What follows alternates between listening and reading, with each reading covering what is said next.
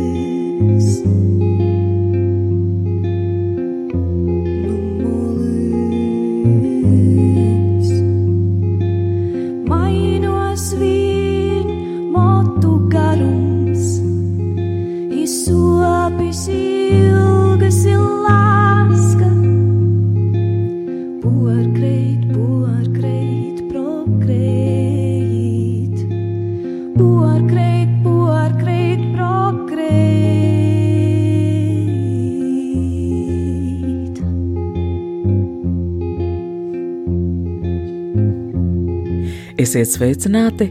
Šī Danas Vasiljevas dziesma ar Ligijas Purinašas vārdiem no dzēnietes debijas krājuma sīvīte lika iekāpt kā citā īstenībā, mazliet vairāk nekā pirms gada. Latviešu kultūras gada balvas Boņuks 2019. gada veikuma novērtēšanas ceremonijā. Un toreiz Ligija Purinaša bija laureātu vidū. Bet vai tā būs arī šogad? Mans vārds ir Anna Buševica, un šobrīd, kad vēl tikai top šis raidījums, es to vēl nezinu. Ligijas Purinašas jaunākā grāmata, kopā ar vēsturnieku Kasparu Strodu tapušais vēstures skiču krājums, laikmet nospiedumu 20. gadsimta latgals stāsti, ir pieteikta Boņukam, un no manas skatu punkta tas ir neparasts vēl nebijis skatījums uz latgali. Ligija Purinaša patiesi darbojas ārkārtīgi dažādās jomās. Viņa ir dzēniece, žurnāliste, vēsturniece, literatūra kritiķe, un es meklēju kādu vārdu, kas visas tās vienotu, Vienu no iespējamajām atbildēm Ligija Purinaša priekšā ir pateikusi pati, savu dzējas krājuma nosaukumā - Sieviete. Arī Ligijas Purinašas patreizējā darba vieta ir biedrības centrs Marta Rēzeknas filiāle. Kāda tad īsti ir jūsu diena? Kas to aizpilda? Manu dienu aizpilda centrs Marta, Raiznes filiāles darbi. Nu, lielākoties tie, protams, ir administratīvie darbi, kas saistīti ar dažādiem darbiņiem, tīri organizatoriski. Un tad man ir vakars. Un tad vakarā ir nedaudz arī grāmatas un, un saziņa ar draugiem un citiem tuviem cilvēkiem, un tā diena no dienas. Sieviešu resursu centrs Marta. Es zinu, ka tas bija Rīgā, bet es skatos, ka šogad tas ir sācis veidot filiāls. Cik sen ir Rēzeknas filiāli un varbūt kas tad bija par iemeslu tam, ka sāk veidoties šīs filiāles? Patiesībā tagad mūsu pilnais nosaukums ir biedrība centrs Marta. Resursu centrs kaut kur ir pazudis jau, man liekas, ko 2016. gadā. Un ir tā, ka 2017. gadā tika izveidota Liepājas filiāle, un 2020. gadā tika pieņemts lēmums arī sākt veidot Raizmas filiāli. Un tad no 1. aprīļa, tad pirmajā Covid vilnī arī mēs tapām. Jo es zinu, ka centrs nodarbojas ar eh, palīdzību no vardarbības cietušām sievietēm. Tāpēc es jautāju, kas ir tas, ar ko jūs nodarbojaties? Kāpēc tāda vajadzība veidot šādu filiāli bija? Redziet, centrs nodarbojas ar palīdzības sniegšanu vardarbībā cietušām pilngadīgām personām. Tad ir arī vīrieši, bet vīrieši pēc palīdzības vēršas diezgan maz. 95% mūsu klientu tomēr ir sievietes, un 5% ir vīrieši. Mēs arī palīdzam cilvēku tirsniecībā cietušām personām, aktualizējoties arī Covid situāciju. Tā dzīvošana četrās sienās un tā izolācija, nu, tas tomēr ir tāds ļoti provocējošs faktors arī vardarbībai un tā sociālā spriedze, kas aug. Man šķiet ļoti likumsakarīgi, ka filiāli sāka veidoties šajā laikā. Bet jūs pēc izglītības esat vēsturniece. Esmu gan vēsturnieks, gan filologs, nedaudz arī studējis kultūras teoriju un žurnālistiku. Un tas iemesls, kāpēc jūs darbojaties šādā jomā, ir tā interese par sievieti. Es domāju, ka jā, kaut kādā ziņā man ir ļoti, ļoti paveicies, ka es varu ne tikai varbūt teorētiski kaut kādas lietas darīt, bet es arī varu tiešām censties uzlabot to reģionu labklājības līmeni. Žurnālistam reizēm gadās, ka sagatavoties intervijai ir grūti, jo par intervējamo neko daudz nezini. Bet šoreiz man drīzāk ir sajūta, ka mana sarunbiedre itin kā sadalās, izšķīst, pazūd manu acu priekšā viņas pašas nemitīgi stāstītajos stāstos.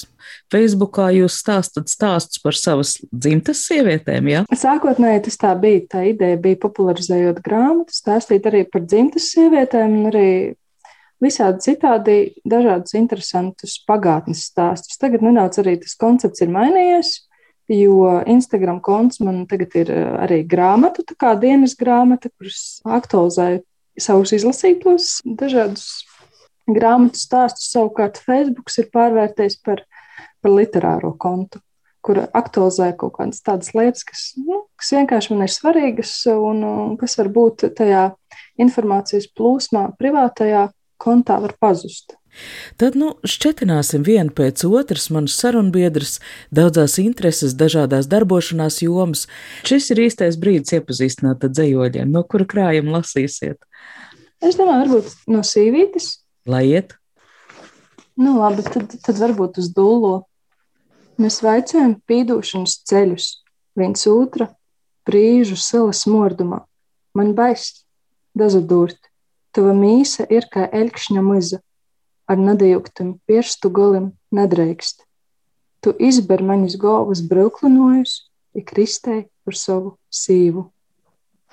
Boltu naktspuču smorts, ik orkli, stāvot savas zemes malā. Nātrasti cilvēki kaisa soļi, rānos, īs ceļu, nepaslēdi. Nesazaprašana ir vēl viena aliterācija mūsu starpā.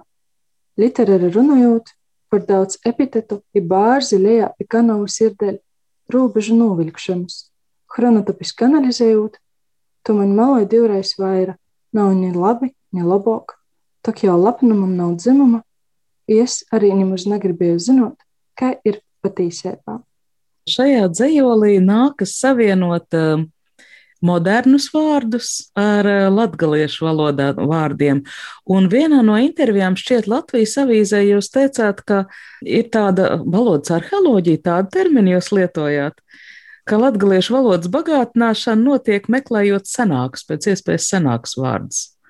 Ir tendence valodu saglabāt, ir tendence valodu varbūt atjaunināt kaut kādā veidā, izmantojot vārdus, kas ir aizmirsti, kas ir nelietojami, nu, aktualizējot varbūt eh, vārdus, kas ir izgājuši no sava laika un lietojuma robežām.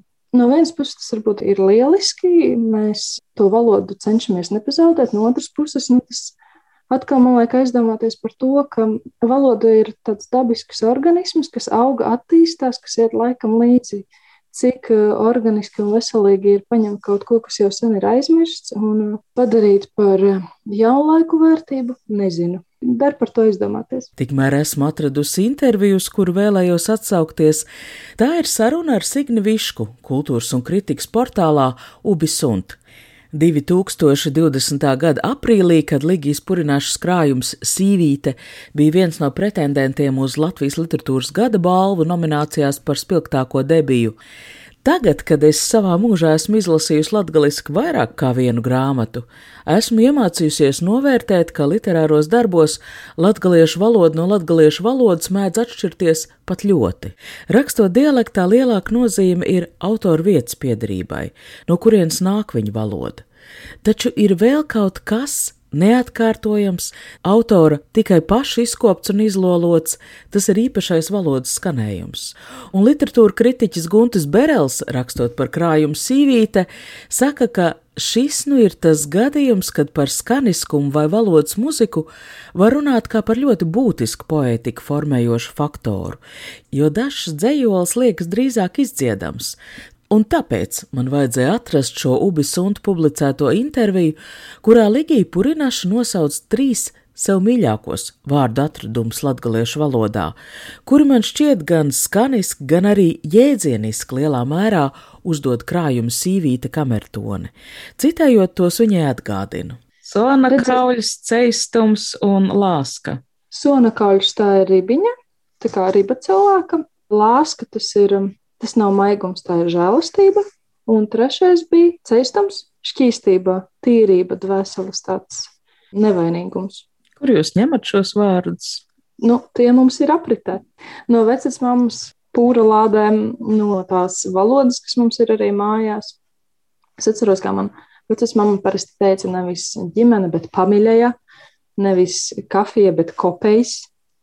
Tā kā nu, ir kaut kāds tas slānis, kas saglabājas caur mammu, caur mammas mammu. Jums ir arī ļoti īpatnējs uzvārds. Kur tādu var ņemt? Tādu var ņemt eh, no ilūgstas puses. Patiesībā tas mans dzimtas stāsts ir diezgan eh, saudabīgs, jo mammas tētis bija tīrs rīdznieks ar saknēm ilūgstē. Mūsu tā purinašu dzimta, nu, klīst leģenda, ka mūsu tēvu, tēvu tēvs esat bijis lietuvietis, kas vienkārši pārvācies uz Latvijas robežu, un tad viņam viņa purenas pārvērtās par purinašu.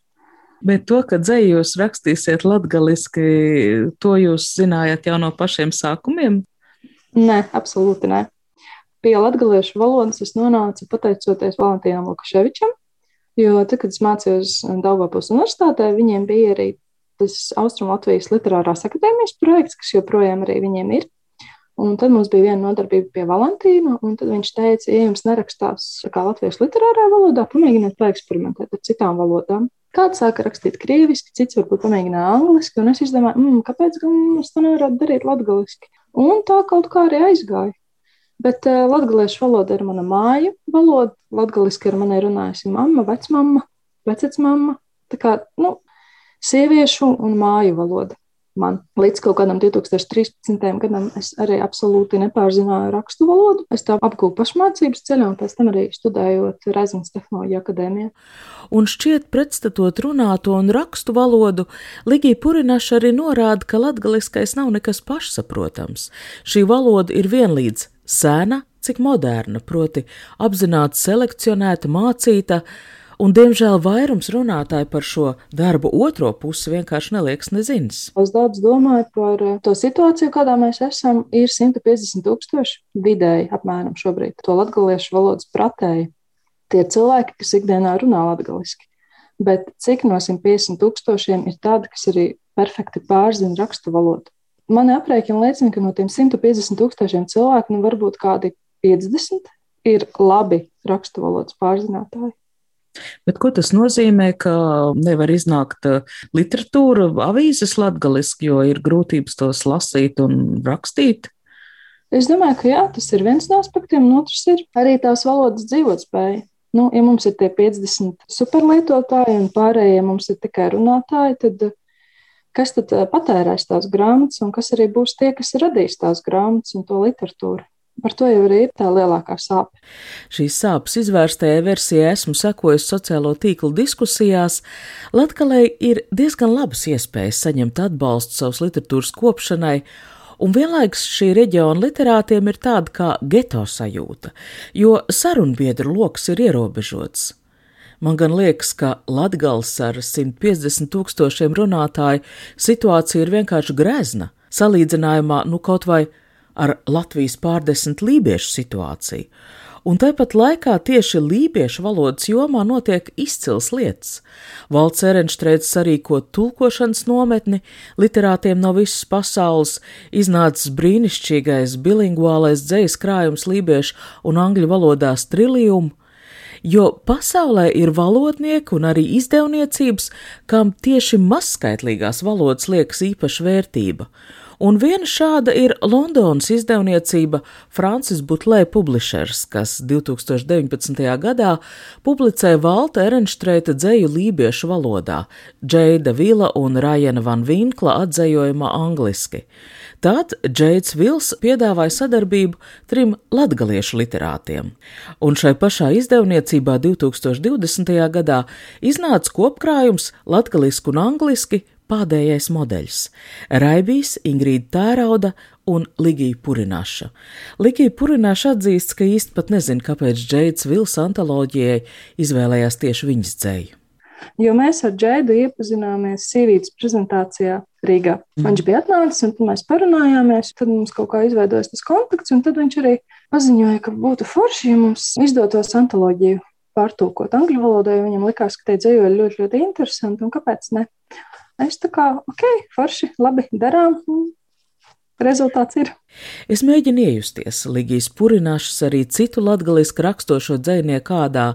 Tev visu laiku ir jāskaidro, jāsarunājas par savu valodu, un visinteresantākais jau tulkotājiem ir tas, ko pārtulkot nemaz nevar, kas līdzīgi kā ķekars velk līdz veselu kultūrā tautas dziesmās iesakņojušos tēlu kopumu. Piemēram, man bija viens dzējols, kurā bija rovains ūdens, tātad rāvains ūdens, un man bija ļoti grūti arī latviešu literārā valodā viņam paskaidrot, ko tas nozīmē un kāda ir tā poetiskā nozīme tajā tekstā tieši tam.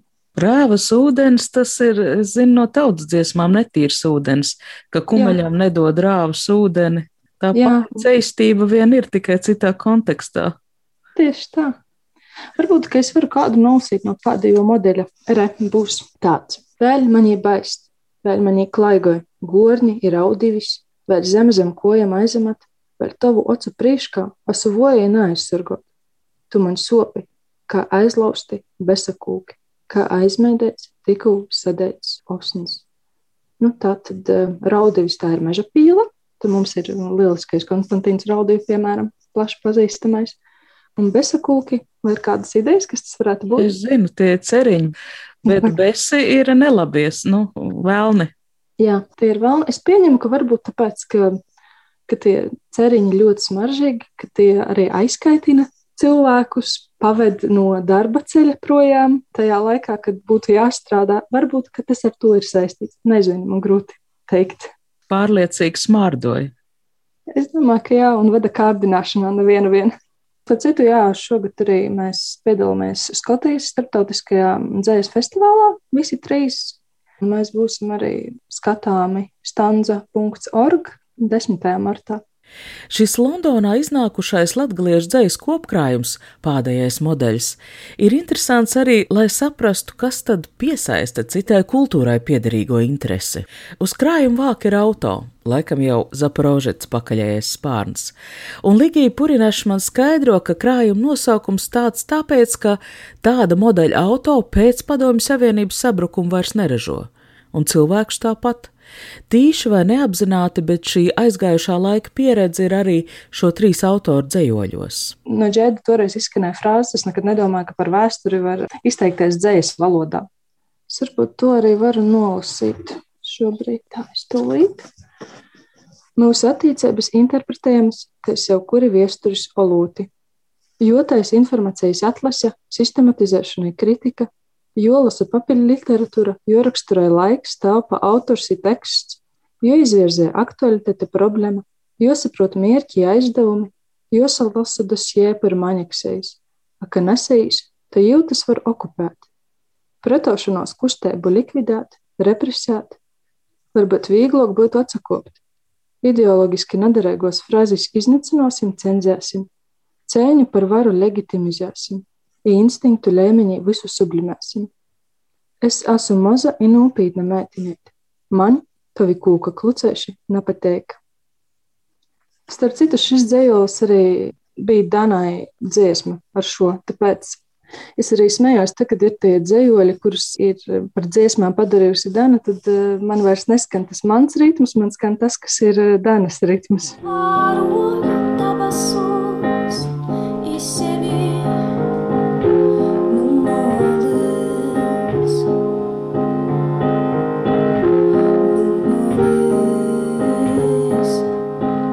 Bet mūziķa Dana Vasiljeva nav vienīgā sadarbības partnere, kas iekrāso atver Ligijas Purinašas dzēju.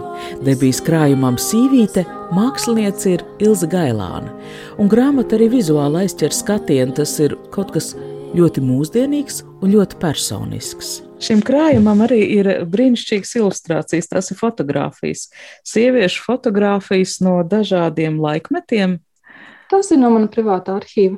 Lielākoties tur redzama mana vecmāma un vecmāma. Mums tā ideja ar mākslinieci Ilzi Gailāni sākotnēji bija tāda, ka tās varētu būt vienkārši ilustrācijas, viņas zīmētās, un pēc tam viņai kaut ko iešāvās prātā. ka- Nu, viņa arī zināja, ka man ir tās vecās bildes. Mēs bijām par to runājuši, un viņa teica, mm, atsūti man, es gribu paskatīties, kas tev ir. Tā arī patiesībā radās tā ideja, ka tas varētu būt krājums par dzimtas sievietēm un dzimtas spēku. Bet tā ir tikai viena no tām versijām. Man šķiet, ka katram, kas izlasa, tur ir kaut kāds savs. Tas... Reku, man ir viens ar to lāsku Sūļu kristapunktā paliku perpendikulāra, pa laustu liņēju aizblūdēja muna lāska, lipēgai soldana, zgušķonka. Šodien nav ir poša patīsība, šodien sīvīte manī ir mīrēga. Nu jā, tad lāska žēlastība.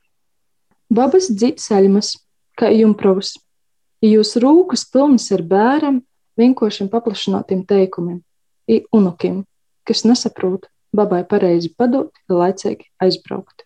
Sieviešu fotogrāfijas ir arī nu pat iznākušajā. Ligijas Purinašs un Kaspars Stroda vēstures stāstu krājumā laikmet nospiedumi 20. gadsimta latgals stāsti. Ja mēs tagad paņemam rokā tos laikmetu nospiedumus, tad tā ir 20. lapa, un tur ir tāda fotografija ar divām sievietēm. Jā, Latgaliešu sievietes Pēterburgā. Un uh, viena no sievietēm ir arī manas dzimtas pārstāve, tā kas ir uh, pa kreisi. Es to bildi biju atradusi, man viņa ir arī oriģinālā, tātad no 1900 kaut kura tā gada, 14, 13, 11 gadskaitļa precīzi nav. Es tikai pēc tam uzzināju, ka tā sieviete bija 20. gadsimta sākumā aizbraukusi uz Pēterburgu strādāt, jo tajā laikā latgaliešiem iztikšana bija ļoti švaka. Un tad viņa ļoti jauniņa bija aizbraukusi, un viņa bija iemīlējusies, un viņa bija tikusi kaut kādā teātrī, viņa no tās mīlestības, protams, bija dabūjusi nelabu galu. Viņa bija uztaisījusi pašnāju.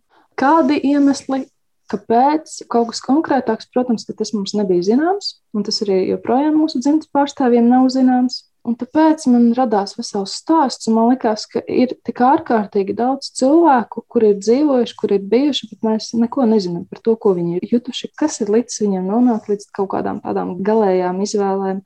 Un tas man liekas ļoti, ļoti aizstoši, interesanti. Krājums laikmet nospiedumi daļēji esot tapis no jau publicētiem rakstiem. Latgaliešu kultūras avīzes portālā Lakuga LV, Kaspars Strotsavs Latgals vēstures stāsts regulāri publicē Latvijas sabiedrisko mēdīju portālā. Lai taptu grāmata, autoriem bija jāizšķirās par divām lietām. Personīgi es esmu ļoti pateicīga, ka šie raksti ir publicēti latviešu literārajā valodā, kas ļauj tos iepazīt visā Latvijā. Un tas latgaliskais valodas smēķis jau nepazūd. Rakstos par latgaliešu literātu dzīvi, latgaliski citēts vesels lapus no viņu darbiem, tāpat oriģināla valodā atstāts preses ziņas rakstā, kas uzbur sievietes dzīvi 19. un 20. gadsimta mijā. Otra izšķiršanās, kādus rakstus, kādas tēmas tad izvēlēties šai grāmatai. Tās izvēlētās tēmas ir tās, kas faktiski interesē nu, gandrīz visus 20. gadsimta otrās puses beigu vēsturnieks. Tur ir gan garīgi slimo ārstniecības iestāžu vēsture, tur ir sieviešu vēsture, visas šīs marginālijas, kas labu laiku tikušas atmestās jūsu grāmatā. Tas bija tas mērķis parādīt to citādāko. Es domāju, ka jā, kaut kādā ziņā mēs gribējām mest tos tiltus pār sapratnēm, pār izpratnēm, arī pār valodām, lai nebūtu tā sajūta, ka latgale absolūti neinteresē varbūt pārnovadus un pārnovadiem absolūti neinteresē latgale. Mēs gribējām, lai būtu kaut kāda sapratne, vismaz kaut kādas iestrādes. Un te vēl arī jāakcentē tas, ka latgales vēsture jau arī ir maz pētīta. Nu, tas ir tāds liels balts plankums, kur darba pietiek, un, un viens no šī izdevuma uzdevumiem varbūt arī bija radīt interesi, un ja nu kāds pētnieks, kam kaut kas liekas ļoti interesants, lai viņš rok tālāk. Kaspars Strots šobrīd turpina vēstures studijas Daugopils Universitātes humanitārās fakultātes doktorantūrā, un viņa pētījuma tēma - Latgals bandu vēsture. Arī tā būtu pieskaitām pie marginālijām. Jautāja, kuri no rakstiem viņam personīgi likušies šai krājumā visinteresantākie. Ja mēs skatāmies no tām pētnieciskajām interesēm, tad, protams, tas bija stāsts par Japončika bandu. Otrs bija stāsts par uh, cietumiem, Daugavpils un, un Rēzaknes cietumiem, kas bija līdz šim brīdim arī Latvijas mērogā varbūt netik daudz skatīts. Un savukārt no Ligijas rakstiem man pašam vairāk, tā kā es varbūt neesmu tik cieši saistīts, tad tie ir stāsti par literātiem. Jo nu, šajos stāstos parādās ne tikai tas, teiksim, varbūt klasiskais stāsts par to, kā šie cilvēki varbūt radīja savus darbus literāros, bet par to, kādas tās personības tomēr ir eh, interesantas, dažu brīdi arī neviennozīmīgas, un arī tie viņu dzīves stāsti, principā, nu, lielākoties ir diezgan tādi smagi, Bet eh, šeit jau ir tas stāsts, ka mēs jau Latvijā ļoti īstenībā maz ko zinām par daudziem cilvēkiem. Līdz ar to varbūt es šeit neizceltu tikai literātus, bet eh, mums, piemēram, arī bija tas stāsts par arhitektu Aloīzu Borbolu, kas, manuprāt, vienkārši fantastiska personība, par ko man pašam nebija vispār principā, nekāda, nekāda priekšstata, jā, tiekšu kā ir. Un eh, tas mums parāda to, ka cilvēki, kuri aizbrauca, nebūtu nepalika kaut kādā, varbūt tādā vietējā trimdas vidē, bet viņi vēlāk kļuva arī pazīstami diezgan plaši pasaulē. Man liekas, tas ļoti svarīgi apzināties, ka mēs un mūsu tā vēsture principā aptver ļoti lielu pasaules vēstures daļu. Nedzīvojam tādā mazā, šaurā reģionā, bet tā, principā mēs esam tāda lielas vēstures sastāvdaļa. Vēstures rakstīšana vienmēr ir saistīta ar mūsdienām. Tā izkaismo kādu jaunu skatījumu arī uz šīs vēstures mantiniekiem. Kas par Stroda, Ligijas Purināšas skats uz Latgali, grāmatā laikmet nospiedumu 20. gadsimta Latgales stāsti, viņi redz Latgali kā daļu no lielāka mēroga vēstures, un tāpat laikā ar lielu sirsnību zīmē mazo cilvēku vēstures lielā rata ritumā. Bet kāpēc tieši sievietes pasauli jūs tā valdzina? Es domāju, ka tas ir kaut kāds sevis iepazīšanas veids. Nu, būsim godīgi, uzmanības centrā vienmēr ir bijis gadsimtiem ilgi vīrietis, un sievietes tā kā vienmēr atradušās pavēnī un nedaudz ēnā. Un varbūt man tas īsti nekad nav licies ļoti godīgi. Un man vienmēr ir bijis interesanti, kāpēc sieviete ir tajā pavēnī un kāpēc viņa nevar vienkārši iziet ārā no tā. Tad, kad man bija nu, arī diskutējot, jāpaskaidro, kāpēc man feminisms liekas būtisks, man tā tiešām liekas 20. gadsimta svarīgākā tēma kurā arī redzams milzīgs progress, noiets neaptverams ceļš, kuru mēs it kā ikdienā piemirstam, bet, teiksim, ja salīdzinām nu, kaut vai aspazīs likteni ar mūsdienu sievietes likteni, tad daudz kas aspazīs likteni liekas vienkārši neaptverams. Jā, tā ir. Man bija arī diezgan padziļināta interese par Raini un Aspaziju studējot vēsturi. Mans pirmais bakalaura darbs bija par Šveices periodu Raņa vēstulēm, kaut kādā ziņā varbūt arī tās deva tādu pamatīgu vielu pārdomām, kā tas tā var būt, ka spilgtā, skaistā, brīnišķīgā aspazija nonāca blakus eh, spilgtajam rainam un pēkšņi kaut kā savīta un, un novīta un sarāvās kaut kādās savās pašizpausmēs un tā savā spilgtumā. Jā, arī pētot un lasot un skatoties uz to, kas notiek apkārt, nu, man tā interese par sieviešu dzīvēm ir Vai tas, ko jūs rakstat kā dzēnieks, vai tas, ko jūs pētat kā vēsturnieks, kaut kā sasaucās ar to, ko jūs redzat savā ikdienas darbā? Redziet, es ļoti mēģinu arī nodalīt šīs divas lietas. Nu, droši vien, ka es nestrādātu centra smarta, ja man nebūtu tā radošā un tā izzinošā interese. Un, un ja es negribētu, varbūt, palīdzēt un, un atbalstīt, diez vai es būtu radošā jomā pievērsusies arī šīm tēmām. Mums mīlestības ir vairāk kā naudas. Kauns jau ir atsizēt. Pīplūku tavam vaigam, tas mordē pēc vasaras reita, putekļaina ceļa iz azaru, traktora trūkšņi, i purstīņu zem muna, atslāga kaula. Tu smējīs, es zinu. Itēņi kod vaira nabais, bet klusēju, ļauna tev darēt. Viss, kas notiek, notiek iz labu. Tu attīmīs sātu pēc nakts maiņas, sagurs, pīklis, strupēt uzvilkts, tu smaidi. Mums mīlestības ir vairāk kā naudas. Bailes, ka tev vienmēr nebūs.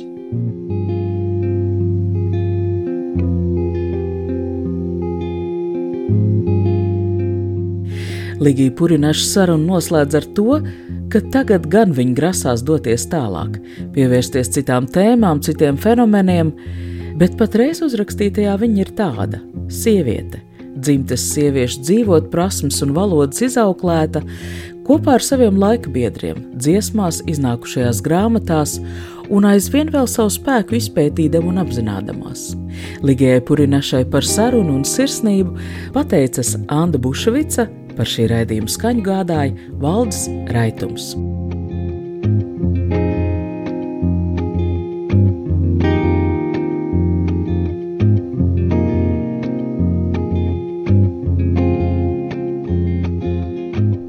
Domāju, ka tu pakāpies, tad tu esi drošībā. Nu, viss ir tieši otrādi nekā dzīve. Tas ir tā spēle, jā. Tie, kas ir pakāpšies virs zemes, tie atstāja pēdas arī uz tās zemes. Protams, ir tas jautājums, ko ņemt par atskaites punktu. Nē, nu, principā ir skaidrs, augstāk par zemi. Jāatrod tā vieta, uz kuras pakāpties. Augstāk par zemi. Augstāk par zemi. Augstāk par zemi.